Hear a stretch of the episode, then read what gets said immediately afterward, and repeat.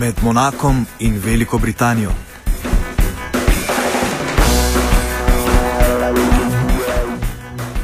Že v včerajšnjem off-programu smo poročali o poročilu o človekovih pravicah LGBT skupnosti, ki ga je izdala ILGA, organizacija za pravice istospolno usmerjenih in transseksualcev.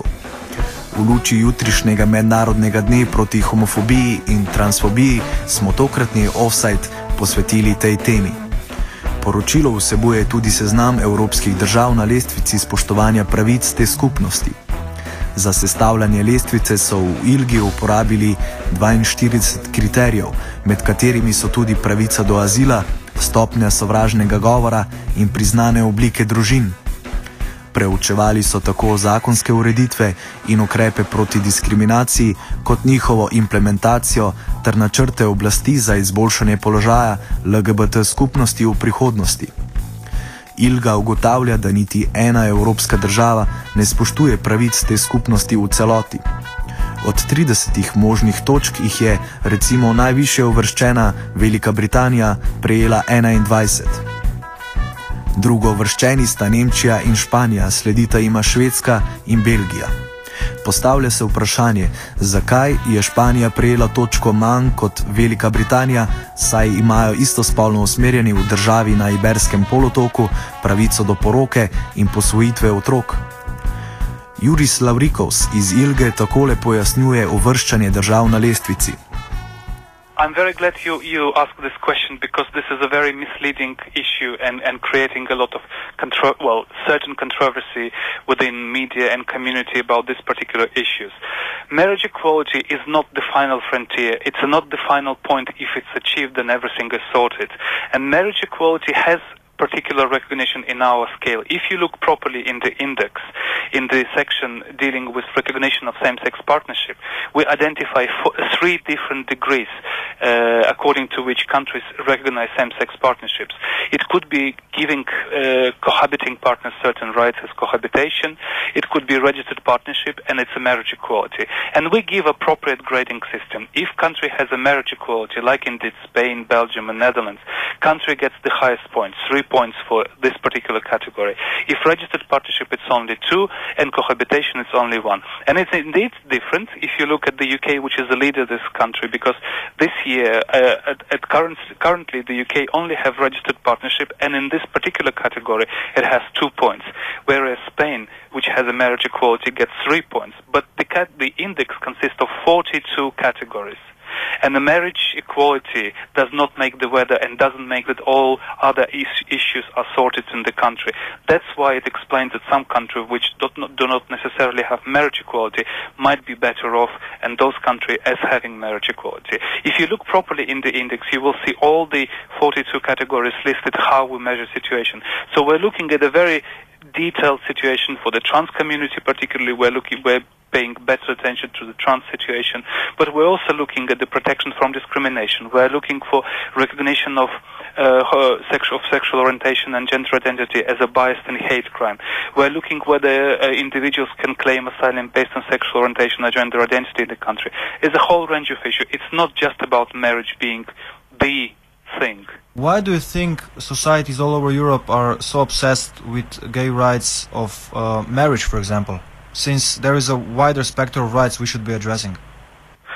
I, well, partly uh, I think it's because it's one of the most visible, exp- ultimate expression and confirmation of acceptance of relationship between people of the same gender. Because it's easier to talk about protection from discrimination of an, an individual and whether it's okay or not okay to discriminate somebody because they're gay, bisexual, trans, etc., etc. But when uh, a country uh, legalize or, or opens up an institution which been so patriarchal and so heterosexual. It was a uh, embodiment of heterosexuality and dominance of heterosexual sort of model of, of cohabitation in, in such a long history. By opening up this model to a different model is completely breaking the taboo and uh, it's uh, the most visual maybe expression of this issue. That's why there is so much attention to this particular issue. It's it's it sort of breaks down the biggest taboo and stereotype associated with how people should be li- uh, uh, living, but also what the state should be recognizing or normalized.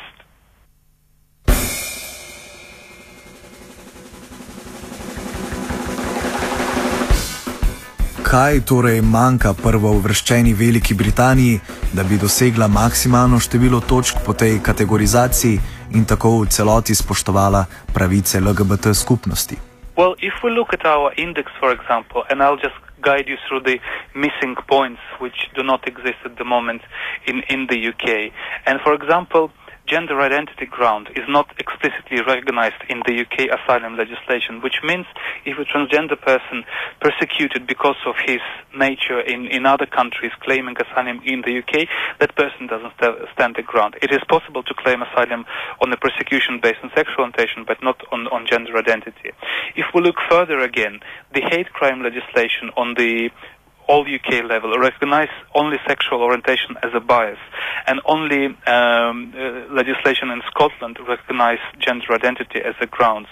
So there is still catching up to do for the UK on the overall legislation. If we look at the uh, issues of family recognition. UK obviously uh, still need to sort the legislation regarding the uh, marriage equality. There is a um, registered partnership in civil partnership institution which already exists in the UK, but there is no marriage equality yet. Likewise, the issue of parenting. Uh, it is possible for the couples in Great Britain to jointly apply for adoption and for lesbian couples to apply for medically assisted insemination, but these laws do not apply in Northern Ireland. So there is a still gap in, in this particular area. And if we look at the uh, categories on transgender rights where UK is lagging behind, um, uh, unfortunately, UK is still demanding that in order for transgender person to legally recognize their preferred gender, they need to be single, or if in case they are married, they are forced to divorce because the the, the, the procedure or recognition will only take place if the person has divorced their parent uh, partner, and that means not only implication to their family, but in case they have children, that's also breakdown of the of the family. Likewise, uh, the the procedure for the transgender people is still medicalized, not just in the UK, but in the most of Europe, and the UK particularly still requires a gender identity disorder to be diagnosed for the people to proceed with their uh, gender legal recognition. So these are the areas where, according to our this year uh, index, UK is still have points to go to reach a full amount of uh, points according to our category.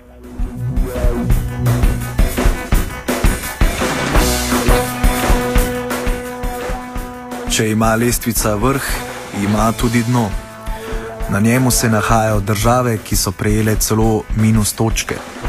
Med njimi so Moldavija, Rusija, Armenija, Azerbajdžan, Makedonija, Turčija, Belorusija, pa tudi Monako, San Marino in Liechtenstein. Laurikovs iz Ilge pojasnjuje, da položaj LGBT v vseh teh državah ni nujno primerljiv v primeru mestnih državic, pa je za negativno število točk odgovorno predvsem pomankanje zakonodaje, ki ureja to področje. Govorili smo z Aleksandrom Polojanom iz Beloruske zveze istospolno usmerjenih. Vprašali smo ga, katere stvari na tem področju so v njegovi državi najbolj problematične. Uh, the most problem for us, for activists, is that uh, we can, uh, can't organize any actions, like LGBT actions, demonstrations, or meetings for LGBT, LGBT rights. Um, also, uh, it's very hard to open uh, LGBT organization in country. We didn't have any official registration for, of organization, and of course, it's um, uh, very hard to protect uh, rights, LGBT rights, if some uh, people was uh, um, beaten or murdered in country, and we can't like say that it was homophobia or not, because like no no one listen us in this question.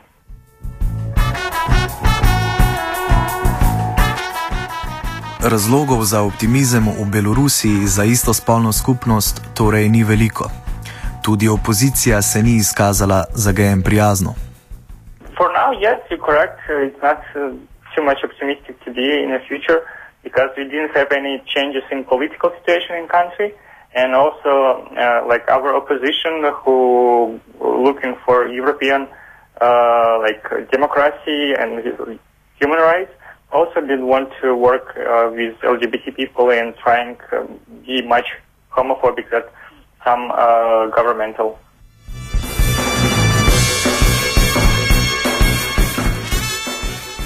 Offside končujemo z uvrstitvijo Slovenije na omenjeni lestvici. Prijela je devet točk, le tri več od Srbije in celo eno manj kot Hrvaška. Prostora za napredek je torej veliko, razlogov wasze reči.